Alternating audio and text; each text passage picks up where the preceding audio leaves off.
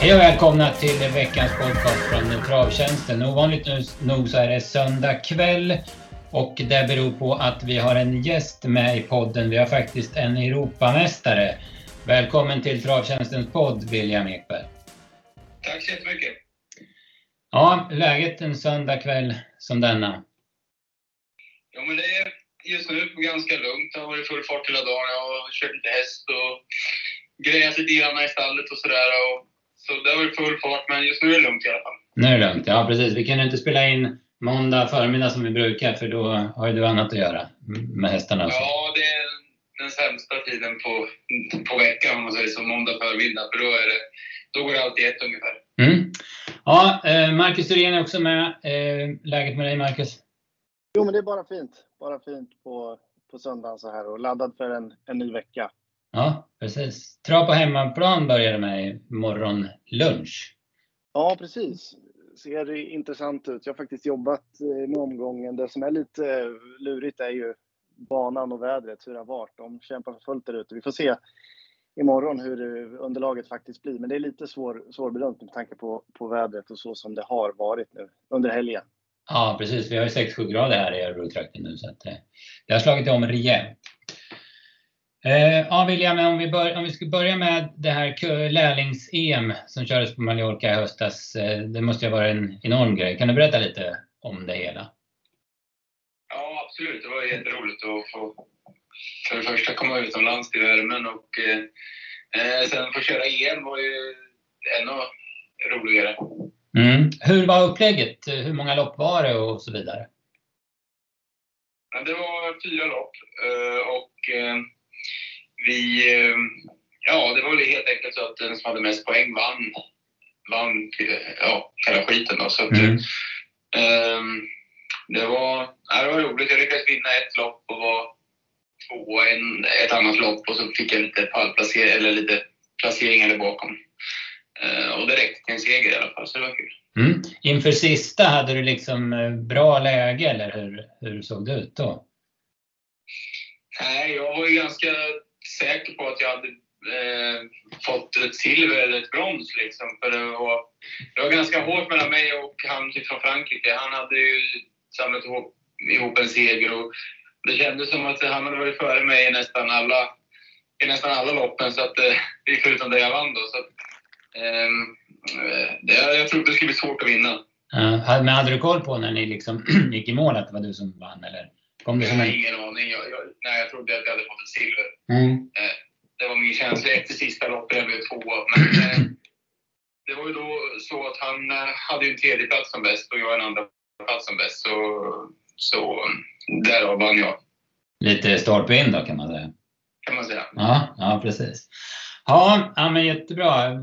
Om vi ska dra lite bakgrund på dig William så kan vi väl säga så här att att du börjar med, med trav, det är väl inget konstigt va? Mm, din mamma Lotta har ju vunnit lopp och dina farbröder är och har båda varit proffstränare. Din morfar var ju mångårig champion på Visby och tog fram derby och kriteriehästar som Bill Dicey och Glory Way och Peter Wilson. Så det var väl inget konstigt att det blev trav va? Nej, det finns ju i ådrorna. Ja. Så att, eh, eh, det, var, det, det var ju ganska självklart ända från start så. Det är klart att eh, man provar på lite andra grejer och sen har man lite, men eh, eh, jag var inte så bra på någonting så att det fick bli hästarna. Ja, precis. Men sen, ja, jag anar att du utbildar och så som man, som man gör nu, nu för tiden när man blir hästskötare. Men sen när du dök upp som hästskötare och började köra lopp så, så var du i södra Sverige. Berätta lite om den resan så att säga. Ja, men det blev ju så. Jag hade ju, var ju runt och försökte vara på så mycket praktik, eller olika praktikplatser som möjligt i Sverige då, och även utomlands. Och, ja, så var jag hos Veijo Heiskanen där på praktiken några veckor. Och så, ja, men jag gillar Veijo. Han, eh, han eh, hade väldigt fina hästar och de var väldigt vältränade och, och det var väldigt spännande. Så, så, så det blev så att jag började jobba där efter skolan där. Och eh, ja, där var jag i två år. Och sen var jag, började jag jobba hos Stefan Persson i, i Halmstad med unghästar och var där i, ja, det var något år där också. Sen ja, var jag liggande. Så jag, det blev södra Sverige till en början, men eh, Men sen så flyttade jag väl hem kan man säga när jag började jobba hos Jörgen. Mm. Ja precis, nu är det inte så långt hem, hemifrån Örebro-trakten. Vad, eh, ja, vad har du för roll hos Jörgen? Du kör ju ganska mycket lopp och uttalar mycket för media och sådär. Har du någon, någon speciell roll eller har du typ sju passhästar som andra? Nej, men jag har en, det är en vanlig hästskötarroll jag har. Och sen gör jag lite annat också. Jag håller på att sko lite grann och, och hjälper till. Eh, ja, men som när unghästarna ska sättas för vagn och så är de ettåringarna där. Och, ja, men lite allt möjligt sådär. Så att, eh, jag vet inte. Jag är anställd som hästskötare, men gör väl lite andra grejer. Mm. Ja, stimulerande roll måste jag väl misstänka med tanke på framgångarna och sen allt ansvar som det, som det blir också. Ja, men det är klart att det är väldigt roligt och, och givande att kunna se många olika delar utav hur, ja, en, framförallt en gård och ett, ett, eh, ett travstall ska skötas. Man får se allting liksom. Så att, eh, nej, jag är väldigt nöjd över, över ja, alltså mitt yrkesval. Mm, ja, precis. Vad, ehm, vad säger du Mackan om Williams 2022? Jag ser här 42 segrar på 348 starter. Det innebär 12 segerprocent. Bra siffror för en lärling och sen 2,8 miljoner inkört. Det är rätt starka siffror. Vad säger du Marcus? Ja, men framförallt så är det ju om man tittar tillbaka 2020 och sen 2021 och sen 2022. Det är nästan en dubbling av eh, inkörda pengar för varje säsong. Hur liksom, det är ju en häftig utveckling, men, men som inför ett nytt år nu, hur, vad har man för målsättning och hur, hur sätter man upp liksom planeringen och hur ser det ut för dig med sånt, William? Jag har faktiskt inte satt upp något riktigt mål så, men eh, i år kommer det såklart bli ganska så tufft för mig, eller det kommer bli tufft. Eh, eh för det första så baserar jag 150 körda lopp, vilket gör att jag inte får köra breddlopp och blir utestängd ifrån, ifrån eh, eh, många lärlingslopp också. Då. Och sen så så heter det så kör jag mycket lopp på Fredrik Linder i, i ja, lite större sammanhang och sådär också. Och han har inte, eller han har ju slutat nu så att eh, det blir också att man tappar en kund där. Så det kommer nog bli väldigt tufft för mig i år, det tror jag. Eh, men eh, så jag får sätta upp ett förhoppningsvis rimligt mål och det är väl kunna ja, köra in kanske lika mycket pengar som i år förhoppningsvis. Mm. Ja, jag ser ju här, du har ju, du har ju prickat de här 150. Ja, men 2020 körde du 133 och sen 2021 150. Så, att, men så, så, det måste ju ha varit ett aktivt val under fjolåret att nej, jag kör på de loppen jag kan. Liksom. Absolut. Eh, det är klart att eh, man har varit i den där serien nu och, man vill ta steget och bli lite bättre och, och utvecklas mer. Så att eh, det, det, nej men det, det, det är såklart att jag oavsett vad hade som målsättning att liksom utvecklas. Eh, och då måste man ju göra så här. Sen att det kommer att bli tufft i år, det, den smällen får jag ta. Mm, ja, precis. Man, vad tuffa, tuffa gäng eller tufft motstånd är ju bara utvecklande. Så är det. Men 42, 42 årssegrar, det är, det är väldigt starkt. Alltså, det måste, måste jag säga. Ja, Hur ser det ut med... Det, jag, jag är jättenöjd, men det, det är klart att eh, eh det är klart att man man, har, man hittar ju alltid lopp som man hade kunnat gjort bättre i. Så att man, eh, ja, man var nöjd, men det, är ändå, det finns vissa lopp som jag hade velat köra om. Vad ska du säga, Marcus? Eh, nej, men jag tänkte på det här, du som sagt har ju häftig utveckling på kuskavdelningen så att säga. Men Sen eh, är det ju många som även vill bli egen tränare. Du har ju en häst på din egen lista nu, Lucia Lane där. Hur ser de planerna ut framåt och, och, är du liksom inne på i närtid att ta det steget eller kommer det dröja ett tag till? Eh, det vet jag inte riktigt. Jag har väl inte satt upp någon liksom, plan för när det ska bli så. Det är klart att man går ju i sådana tankar liksom, att man ska bli. Man har ju haft det som dröm och mål hela, ända sedan man ända sedan man var liten och satt och körde på med hästarna på Örebrotravet så har jag haft det som, som mål och en dröm. Liksom. Så att, eh, sen hur långt fram i tiden det ligger, det vet jag inte riktigt. Eh, det är mycket som ska stämma. Man ska veta var man ska vara och man ska ha hästägare i ryggen. Och, ja, det är mycket som ska stämma så det är, det är svårt att säga. Liksom. Men eh, det är klart att man går i de tankarna och, och ja, det får bli kanske nästa steg då, eller näst, nästa steg. Mm. Om vi ska kolla i närtid här William framöver. Eh, Jag ser att du har eh, blir det, fyra uppsittningar närmaste tiden och vi börjar imorgon på Gävle. Då kör du en eh, stor favorit som det ser ut nu, Bottnas Intense från innerspår i ett sprinterlopp. Vad kan du säga där? Ja, formen är fin och eh, hon var riktigt duktig senast när, när hon fick gå i ledningen. Och och eh, nej, men jag tycker att distansen är passande för henne också. Hoppas ju såklart kunna hålla upp innerspåret därifrån. Så jag tror hon höjer sig ganska så markant Hon får ledning. Jag körde henne i loppet innan, i loppet innan förra starten då, och då gick jag bakifrån. Då var hon duktig tvåa, men det räckte till, till, till seger den gången. Så att, eh, jag hoppas att kunna försvara upp innerspåret och kunna spåra runt om. Då. Mm, ja, det ser ju väldigt bra ut på uppgifterna. Så här, vid första anblicken i alla fall. Absolut. Eh, sen ska du till eh, Sundbyholm, Eskilstuna på tisdag. Då hade du tre uppsittningar. Då den som du pratade om, Lucia Lane, var med i den femte avdelningen. Vi kanske kan börja där. Var, eh, gjorde ett rätt så bra lopp tycker jag, i, lite i skymundan på den där onsdags V75 på Örebro.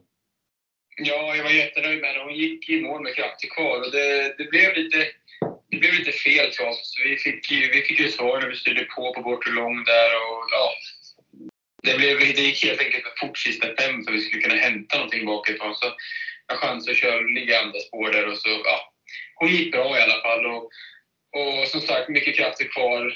Lite trist läge den här gången, men jag tycker att hon går ner lite grann i klass. Och, och um, hamnar vi inte alls för långt bak så ska det vara en bra chans faktiskt. Mm. Spännande. Jag tycker också att det ser vettigt ut. Du som har koll på de här hästarna, Marcus, vad säger du? Jag tyckte det såg, eh, såg väldigt intressant ut. Det var ju, ja, eller bakspår på startvolten där, men distansen gillar hon ju och sen var det väl inga överdjur emot. Så att, nej, helt klart en spännande uppgift vid, bara när man tittar så här utan att ha gjort någon djupare analys av loppet så att säga. Mm. Sen i loppet innan så kör du Quickly Jade Eh, ja, du har inte kört den på ett tag, men jag vet att du har ganska bra koll på den i alla fall. Ja, eh, ja han var ju riktigt bra där i fjol. Eh, det var, vad blir det? Det måste bli förra vintern där när jag körde den. Då var han riktigt bra där i punkt 21-lopp på Örebro. Då testade lite ny utrustning och, och balans på honom. Och då gick han riktigt bra. Men eh, har väl kanske haft lite, ja, vad ska man säga, man tappat traven lite grann och känns som att det har varit liksom lite problem med moralen. Men nu anmälde de till ett sånt här lopp där de fick dåligt spår och det visste de på förhand. Så mm. planen är väl bara att liksom köra med i ryggen och försöka jobba upp honom igen tills han kan bli moraliskt stark igen. Det är väl det som är tanken med det här loppet. Utan det är väl inga segerförhoppningar att ha så sätt, utan det är nog att bygga tillbaka moralen på honom helt enkelt. Mm. Eh, sen kör du Rolex till. Den vet jag inte om du har kört tidigare, inte i raden i alla fall. Nej, den har jag aldrig kört faktiskt. Och fick ett lite tråkigt spår med den. Så eh, svårt, svårt att veta. Jag, jag vet faktiskt ganska lite om den hästen, men läget ser inte så roligt ut. Men vi får höra vad tränaren säger så han kanske har några idéer. Mm, ja, precis. Men ja, spännande med din egen Lucia Lane i alla fall, kan vi väl sammanfatta det hela. Ja, men det tycker jag absolut. Mm. Mm. Om vi ska gå tillbaka till Gävle så har eh, Jörgen, då, din arbetsgivare, två hästar till ut. De är i samma lopp. Gullig Fantom står 20 på Lillhans. De brukar mötas och då brukar Gullig Fantom vinna. Jag tror det blir så i morgon, eller måndag också. Ja, det känns som Gullig Fantom faktiskt har höjt sig ett snäpp här nu i nu de sista månaderna. Han har ju haft lite problem med megalopper och sånt där och varit ganska så omogen, men kapacitet har han alltid haft och eh, den har han kvar och känns ju som att poletten börjar trilla ner Mm, ja, verkligen. Och Lill-Hans han brukar gneta på och göra bra lopp. Lite svårt att sticka nosen först då. Ja, han, ja precis. Han är lite svårt att sticka nosen först. Tyckte han gick bra senast, men eh, det är klart att, eh, att eh, Fantomen har ju kört ett snäpp, helt klart. Mm. Ja, spännande. Det blir din vecka så långt i alla fall. Vi får se vad som händer sen. Men Ska vi gå vidare och lite snacka lite V75 från i lördags, Färjestad. Det stora snackisen på förhand var ju banan. Eh, det var ju svinkallt fram till helgen och sen slog det om och kom massa snö. Och jag vet, jag har ju hört och läst att man gjorde ett hästjobb för att få till banan. Och jag tyckte väl att det blev ganska bra till slut. Det såg knepigt ut i början. Det var någon, något lopp där var det That's so cool. Det såg ut som han sprang i kvicksand ungefär i ledningen. Men, men sen så, så såg det ut som vettiga förhållanden. Vad, vad har ni för tankar? Vad, vad, hur, tyckte du, hur såg du på det, Marcus? Eh, nej, men det var, det var lite lurigt. Man försökte göra någon, någon liksom bedömning på V4-loppen hur, hur det skulle bli till sen. Att fråga sig själv och höra lite, blir banan sämre? Och som du säger, That's so cool, den kändes ju som att den underpresterade rejält. Och då tänkte man ju att banan, det var inte, måste vara något strul liksom. Men sen tyckte jag att det såg ut att funka ganska bra resterande delar av dagen. Och det är klart, det är olika från häst till häst och, och sådär. Men det vart inte sån eh, katastrof som jag tänkte att det skulle bli ett tag där i alla fall. Jag upplevde det inte så. Vad säger du William om liksom, hur hästar reagerar på det? Är, är det väldigt olika? Beror det på vilken nation de har eller vad, vad liksom, är det något man kan tänka på där? Absolut, det är jätteskillnad från häst till häst eh, hur de, hur de, hur de trivs på vissa banor. Det är, det är de stora tunga hästarna tycker hellre om fast och kanske lite hård bana medan de här lätta hästarna de springer lite på skiten kan man säga på en lite tyngre bana. Så det har, det har mycket med storlek och aktion att göra helt klart. Mm. Sen hörde man ju också, tränarna var ju oense höll jag på att säga, men Eh, ja, man visste ju inte riktigt hur de skulle göra. Jag är säker på att vissa körde med brodd runt om. Jag tror de norska hästarna som var på plats gjorde det i alla fall medan Ola Samuelsson sa att nej men vi krånglar inte, vi skruvar inte i några brodd utan vi kör med greppskor för det, det sabbar mer att börja med brodd med hästar från, från Jägersro som aldrig går med det. Liksom. Ja men det stämmer ganska så bra. Det, eh, de måste, tror jag, träna lite grann på brodden för att kunna tävla och prestera med brotten. Eh, det, det är lite vanlig sak och det blir liksom lite mer broms och och lite andra muskler som får, får liksom sättas igång. Så att, um, det är helt, klart beroende på vart man kommer ifrån i landet som man får göra den bedömningen. Och, och um, det är svårt den årstiden när de tränare som är nere i söder ska åka upp och tävla och det behövs brott. Eh, det, det, det, är väldigt svårt att veta hur de kommer prestera på det underlaget. Liksom. Mm, ja, precis. Det där är ju jättespännande. Till på lördag har vi i alla fall V75 på Kalmar. Där brukar det vara bra förhållanden oavsett årstid kan vi säga. Men om vi ska ta det här från början. Ja, vad såg, följde ni V4 och hade några tankar om Revelation där som inte fick starta? Jag, jag säger inte att ni ska vara veterinärer och bedöma om man var halt eller inte, men det blev väldigt mycket snack om det i alla fall. Ja, det var ju, ja, det var väldigt mycket, mycket snack kring det. Och det är ju svårt på tvn att sitta och säga att så här ska de göra. Eller som sagt, jag är ingen veterinär, men jag tycker ju att han har kunnat se ut så där som han gjorde tidigare och presterat bra. Eh, sen är ju inte det någon, någon ursäkt för att en halt häst ska starta om det nu är det han var. Men, men jag tycker inte att han har. Jag tycker han har sett värre ut och, och likadan ut tidigare utan att det har varit några som helst problem i loppet. Men det är väl olika veterinärer och, och hur man bedömer och, och ser på saker. Men det vart ju en väldigt konstig grej just i och med att han var så stor favorit också och sen att han bara försvann ur loppet. Mm, ja, precis. Såg du det? Var du med då William? Mm. Eh, det, är, det är alltid svårt att kunna bedöma sånt där från sidan. Mm. Sen vet ju jag också hur det är när man är aktiv och om man får eh, Banveterinären har ju, ju den största makten liksom, under själva tävlingsdagen. Och det är klart att eh, deras beslut är ju det som, som, som, som gäller. Liksom. Och, Eh, jag kan tycka att det var lite hårt att köra utan faktiskt. Eh, det är klart att han... Det, det, det som man kanske skulle behövt göra, det är det här med banveterinärer är ju jäkligt svårt. Alltså. Det är ju olika banveterinärer på varje bana.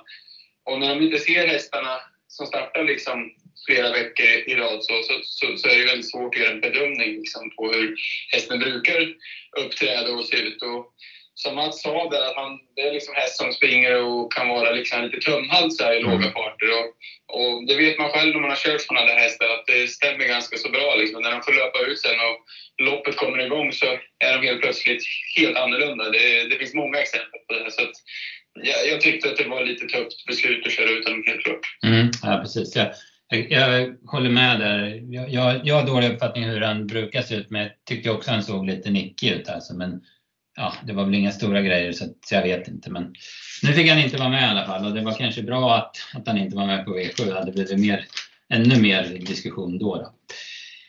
Om vi ska börja med V751 så var det en väldigt lätt seger för Everglow Lemon. Det var ju lite av eh, draghästen i omgången och eh, ah, han flöt till spets när farbror Melker galopperade och sen såg det oerhört lätt ut. Flera av de betrodda gjorde bort sig, Duktus från start och bara Bobbit på upploppet. Vad, vad säger du Marcus? Det, det såg smidigt ut för, för Everglow Lemon. Ja, det vart ju väldigt eh, smärtfritt till ledningen när när eh, farbror Merker försvann tidigt och sen var det ju ja, som en promenad i parken. Jag tyckte väl att Jared Boko höll, höll bra utvändigt men var ju aldrig nära på att, att utmana. Så att, nej, det var, det var en, en enkel seger för, för honom, helt klart. Mm. Vad säger du William? Rätt skön typ av häst där va? Riktigt framme bavare. Ja, absolut. Startsnabb och okomplicerad och och, nej, det såg ju riktigt bra ut där. Han fick ju bestämma det fram och gick undan på lätta ben såg det ut som. Mm. Hade 12 sista åtta på honom så att det gick att springa på lite grann också. Eh, en häst som gick bra bakom där, det var Hulk Marke. Vi skrev om det i bloggen också. Och han, har jag för mig, oh, V752 på Kalmar på, på lördag är han med va? Så det är en häst som kommer med form i alla fall. Eh, V75s andra avdelning blev inte så roligt för vår del. Vi gick kort här på Engstea som vi trodde på spets och sen Guli Frodo som har gått bra bakom eh, Fantom där några gånger och eh, ja, men stod på tur för seger tyckte vi. Men, men det hjälpte inte för Bäcklös Uriel var bara bättre. Den var väldigt fin och lite revansch eller vad man ska säga för, för Mats i Djuse där. Vad säger du William om den kallblodade? Mm, absolut, han kom iväg bra från start. Jag Fick ju rygg på, på Gulifrod och, och sen när de började stöta bakifrån så blev, det, ja, så blev han tvungen att gå också. Och, nej, men hans häst var helt klart starkast över upploppet, så enkelt var det. Han fick ju gå i tredje hela sista 600-700 meterna där medans, medans Gulifrod fick en lite bättre resa egentligen. Så att, eh, hästen och kusken var väl kanske helt enkelt bäst för dem. Mm. Snyggt kört av Mats där han liksom körde hela fältet i sista sväng såg det ut som. Han, han ville inte släppa ut Gulefro eller göra det lätt för Gulefro att komma ut. Nej, han gjorde det riktigt bra som han brukar göra. Ja, precis. Eh, Gulefrodo blev favorit, men favorit förran var ju Almranders. Vad säger du om den prestationen, Marcus? Ja, men det vart ju, det vart ju nästan, nästan för bra från, eh, från start där och han satt tidigt väldigt, väldigt bra på det. Men sen vart det ju, vart det ju tufft att, att ta på utvändigt hela vägen och, och, när Mats kom då bland annat så, så han, höll, han höll bra men, men eh, var ju inte nära att utmana om, om segern. Nathalie Blom gjorde ju ja, ett aktivt val där och, och sitta kvar och det såg ut att lösa sig trots det väldigt, väldigt bra. Men han höll farten för bra, Bäcklös Uriel, och var ju, var ju aldrig egentligen riktigt nära att, att Gudefrodo hann på honom, som jag upplevde det. Nej, nej precis. Det var, han var tuffare där. Han, ja, men han, han stod i tillägg också, så han, han är ju liksom längre fram i karriären, Bäcklös Uriel. Kul att han är tillbaka. Han var ju jättebra som unghäst och sen har det varit väldigt glest med segrar, men, men nu satt han där i alla fall. Eh, två hästar som jag tänkte på bakom, det var Delenit som inte hade startat på ett tag och gick med skor, vilket han inte är van vid. Men den såg väldigt fin ut tyckte jag i ledningen. Och sen var det Stommens Berta där som inte riktigt fick chansen. Eh, V753 då, eh, Dear Friend var stor favorit, men långt innan start, typ 150 meter innan, så gjorde hon bort sig. Eh, hur det, ja, Peter Ingves förklarar ju hur det var. Han, han var han lite långt ner och skulle flytta ut henne och då klarade hon inte det och det var precis i doseringskanten där också. Eh, ja, han sa att hon är känslig där. Är det så William? Kan de vara så känsliga liksom så att de galopperar för en sån grej? En så pass ja, absolut, absolut. Det, det, är alltid, det är alltid lurigt där ute i doseringen och, och de kan springa och bryta åt lite olika håll och och har man dem inte helt rätt i handen då så, så, så kan det bli väldigt svårt att kunna komma iväg helt till slut. Mm. Ja, det var ju väldigt snöpligt och det var ju ett helt annat lopp då när hon var borta. Hon gick ju bra efter galoppen ska vi säga. Men då blev det Racing Brodda till spets. Det var väl ingen överraskning när Dear var borta. Men, men sen så, så han såg ut att slita tyckte jag hela loppet och Shapes då som vann loppet, han såg inte heller så där morsk ut. Tussarna drogs väl typ tusen kvar så att det, det blev ett ganska märkligt lopp det här, vad säger du Marcus? Ja, men verkligen. Och, och, Björn sitter ju kvar när de kommer och attackerar bakifrån. Det var ju var väl Petter där med, med eh, Berglövs häst, vad den heter. Ja, jätte. Exakt, och sen, sen går ju inte den någonting, så då får han ju chansen i alla fall. Och sen kändes det ju mer som att han höll farten snarare än att han spurtade förbi dem. Eller det var den feelingen jag fick. Och jag menar, Kimi, Kimi Di Quattro var väl den som såg lite tankad ut över, över upploppet. Annars var det ju lite, lite skralt. Så det varit ett konstigt lopp och ja, en Racing Brodda i toppform som kommer till första 1500 på vad var det, 16 och 1 tror jag. Ska ju inte vika in som hon gjorde. Så att, ja, det var det vart ett märkligt lopp men, men eh, Shapes var, var bäst i, i det här gänget. Mm, en ruskig form där alltså, som, han, som han har gått nu i, höst, eller i vinter. Vad tror du William? Tror du det var moralen eller tror du det var banan som, som fällde Racing där? För, för det som Marcus säger, hon ska ju inte förlora ett sånt där lopp. Nej, hon fick bestämma det fram. Så det, det, är klart att det är svårt att säga nu i efterhand, men, men eh, den här årstiden är väldigt lurig. Och, och det, det, jag tror att det, ofta, det gäller att ja, det, det, det, är väldigt, det är väldigt svårt som spelare måste vara. Nu är inte jag spelare, men, men just att det, det, är väldigt ojämna prestationer och det är mycket banor och sånt där som kan spela in och även träningsförhållanden som man har hemma då som spelar, som spelar stor roll också. Man har kunnat träna till veckan och, och så vidare. Så, mm. och, ja, svårt att säga, men, men helt klart så skulle väl hon kanske håller undan. Mm. Men som du sa inledningsvis, där, hon är en stor, stor och rejäl häst, så det kan jag spela till.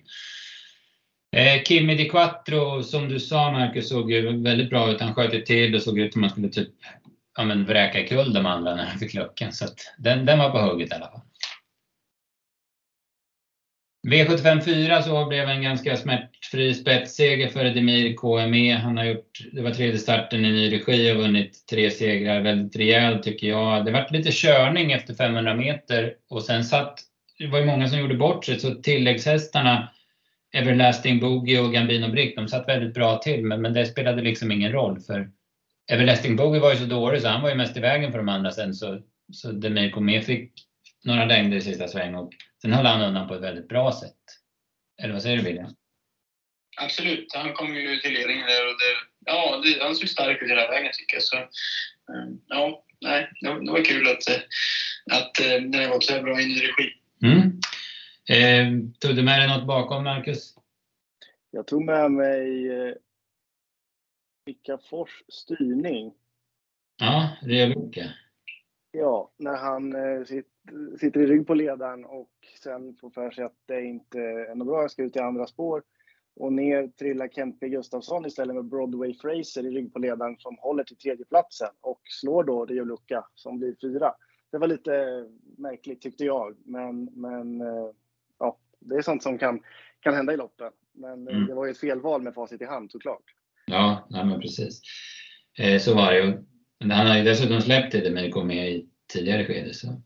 Ja, precis. För annars var det väl den här Everlasting Boogie var ju som du sa, det var ju som ett fartförhinder nästan för de andra i, i spåren. Den var, den var inte alls, alls något bra för dagen. Sen vad det berodde på, det, det är svårt att säga. Men tyvärr så kom han inte upp i, i nivå. Nej, precis. Nej, jag noterade deras andra häst sprang också och sladdade lite grann. Jag, jag tänkte inte på hur den gick till slut sen.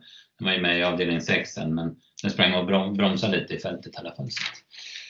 Eh, V75s femte avdelning, där, där kan ju du ta William. Er häst Graces Candy, hon höll upp spets med knapp marginal.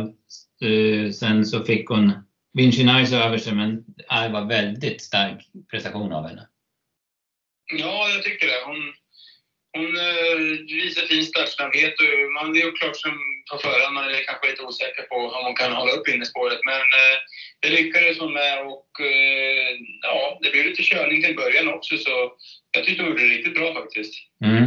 Ja, verkligen. Hon vinner på, på 12 och 7 och över 12 sista 8 på henne. Så. Och bra, liksom bra inställning för att Vinci Nice är ju en stark häst och, och han pressar ju på ganska rejält och ja, men det såg ju nästan ut som som han var starkast i sista sväng, men sen vann hon ganska säkert. Det var ju en halv längd till slut. Absolut. Och, nej, jag tyckte hon, hon var, att hon skulle vara bra, det, det visste vi med tanke på formen som hon har. Men att hon skulle vara så här bra som hon var, det var faktiskt lite överraskande. För sista biten har ju varit lite utav hennes akilleshäl så och tyckte hon visade god stridsmoral där mm. igår.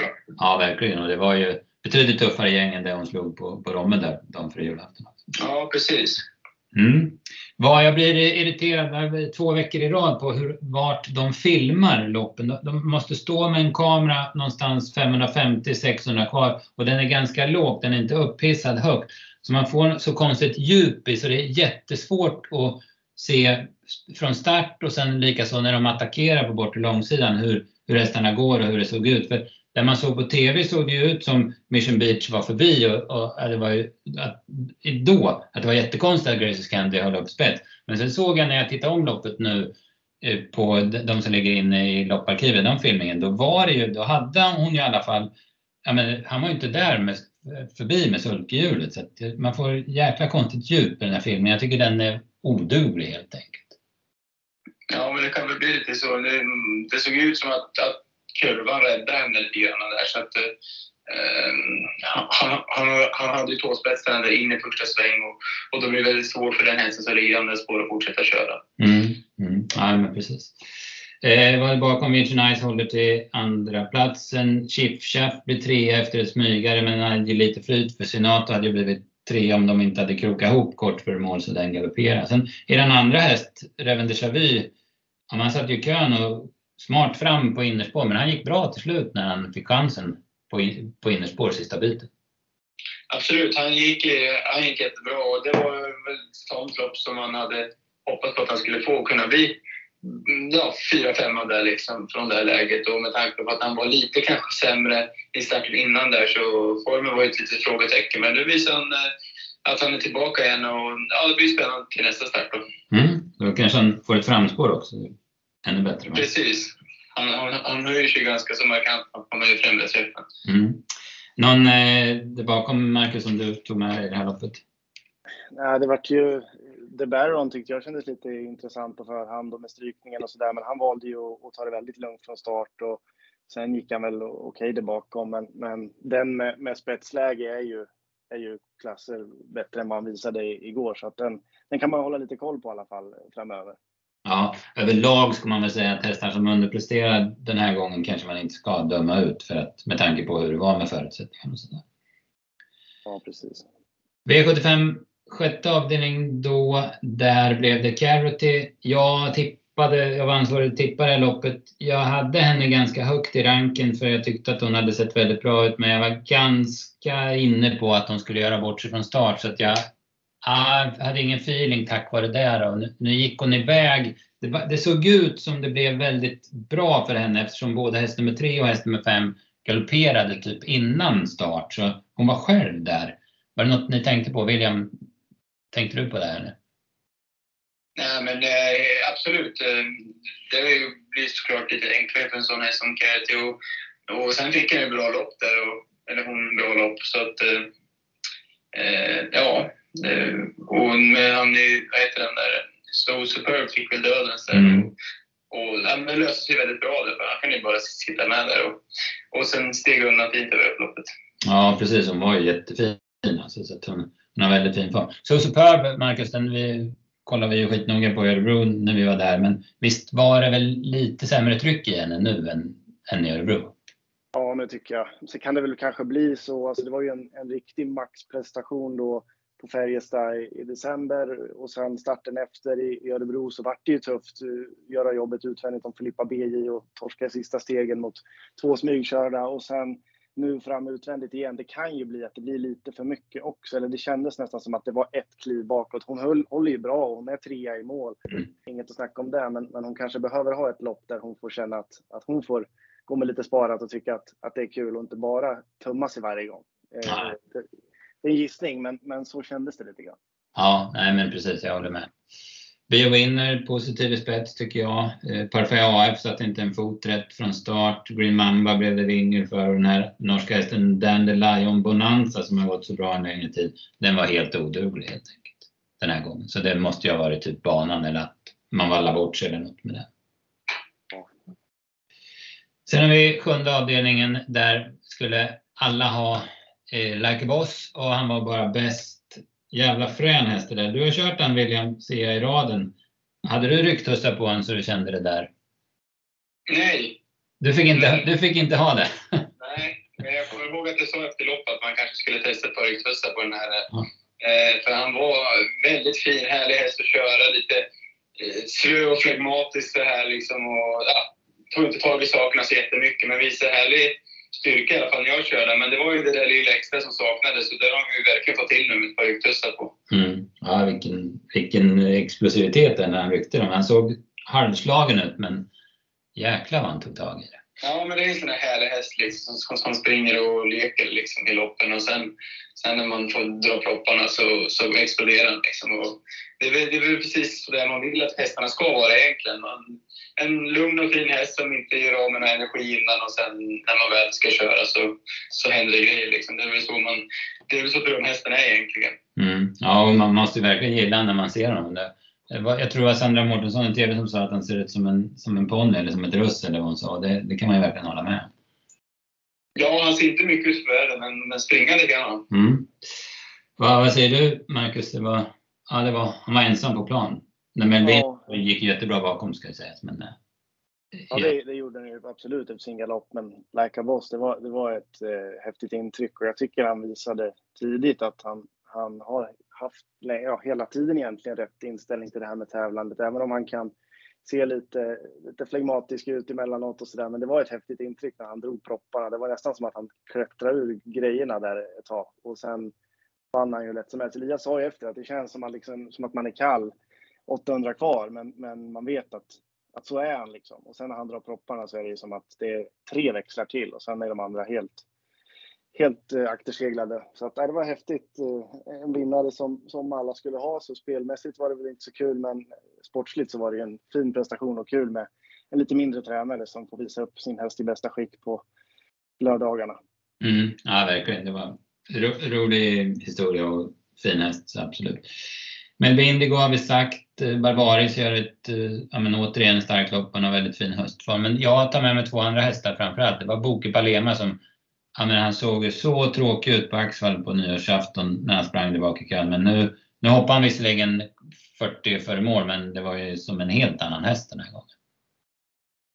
Ja, det var ju stor, stor skillnad på honom och, och gången före var det ju lite, lite regntung bana och han kördes på liknande sätt och då vann han ju även om det var ett lunchlopp. Så att det var i alla fall en framskjuten placering han hoppade bort så snöpligt, men den får man väl ha med sig över de här distanserna eh, framöver.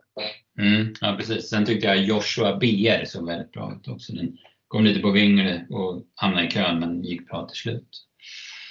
Ja, det var V75 på Färjestad eh, 68 000 gav det väl 7 rätt. Vi var inte nära. Vi spikade Dear Friend och vi gick eh, kort i kallblodsloppet. Så det var ingen bra dag för oss. Så det är bara att och bryta ihop och komma igen. Va?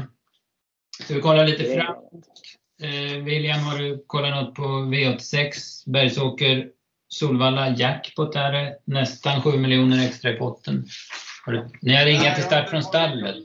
Jag har inte, varit, jag har inte tittat. Vi har inte någon som, som ska ut eh, så att eh, Nej. det har inte blivit så att jag har kollat faktiskt. Nej, precis. Du får läsa på Gävle och Sundbyholm istället. Alltså. Ja, precis.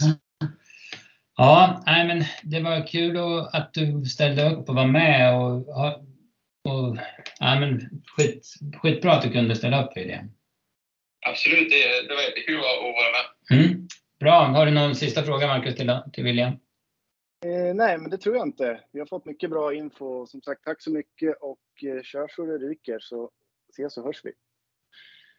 Det ska jag göra. Ha det så bra grabbar. Ja, verkligen. Tack, tack så mycket och lycka till både måndag, tisdag och framöver. Tack ska du ha. Tack. Hej, hej. Hej. Hej. Ja, ska vi kolla V86 då?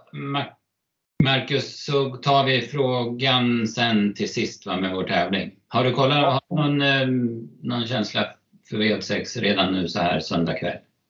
Jag har inte kollat så himla mycket. Jag scrollade igenom listorna och tyckte att eh, det såg lite, lite lurigt ut. Eh, jag gillar ju Wings Level. Eh, ska ut över lång distans till, från ett bra läge. Den tycker jag är intressant. Nu är det ju Mattias istället för Magnus då, men, men den gillar man ju. Sen beror allt på hur sträcken hamnar och man måste ju gräva lite, lite djupare såklart. Men det var en som jag fastnade för sådär direkt. Sen såg jag även att Belfax var tillbaka. Mm. Eh, som heter Technojärven. Just det. Att, eh, det var lite roligt sportsligt också. Även om det är jackpot så var det mm. väldigt roliga hästar på sina håll.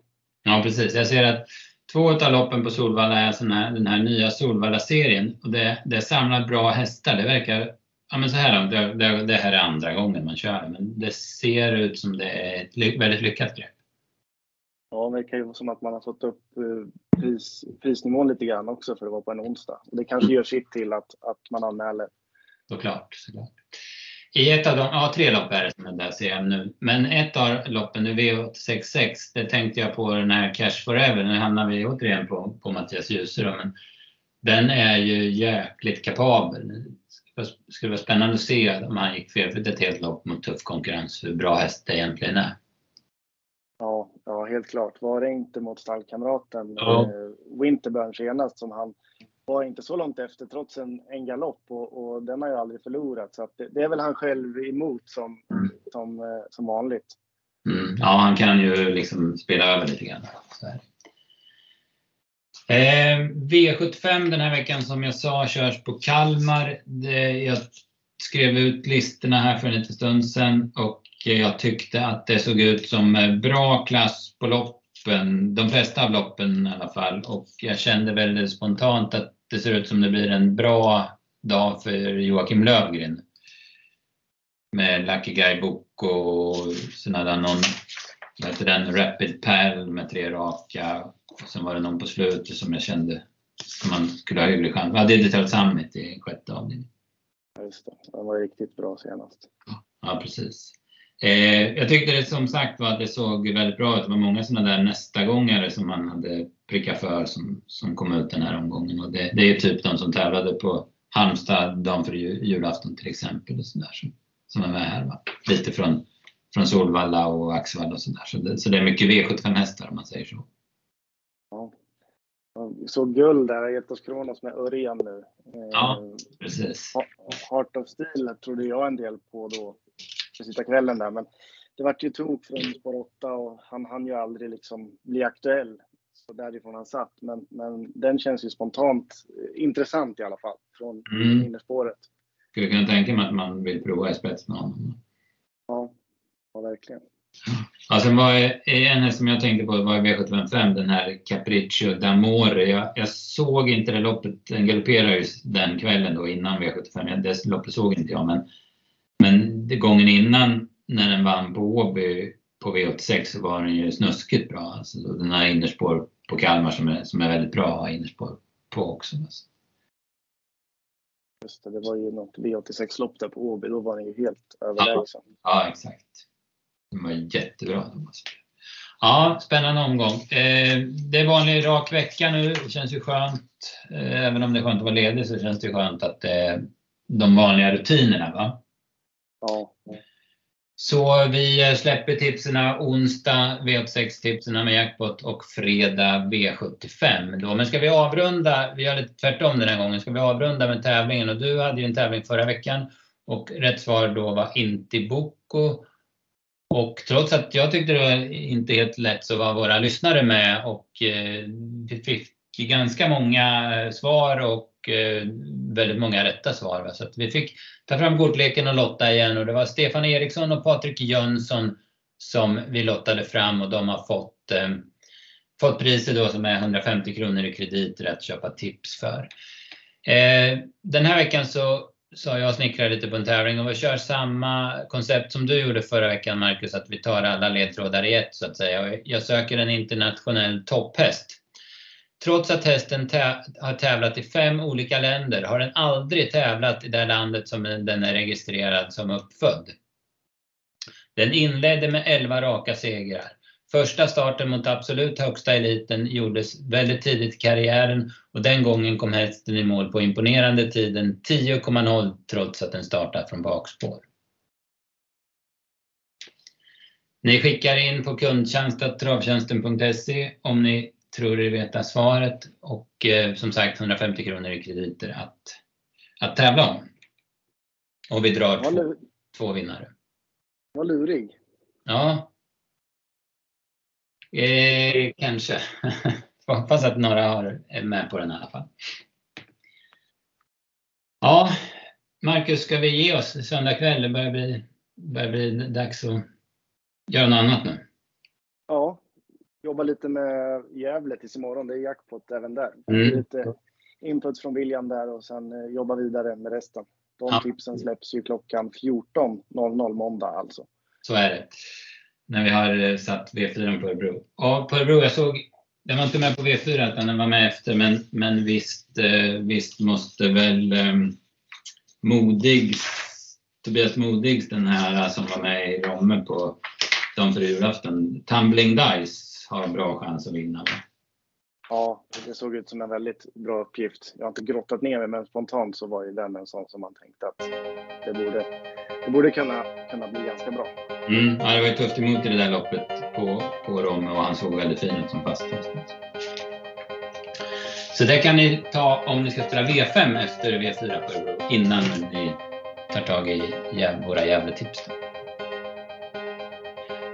Jä- Jättebra Marcus, Eh, får vi tacka alla som har lyssnat och tack till dig som, som kunde vara med den här gången. Och fast det var en knölig tid. Ja, det var inga som helst problem. Vi laddar för en ny vecka. Tack. Jajamän, det gör vi. Tack!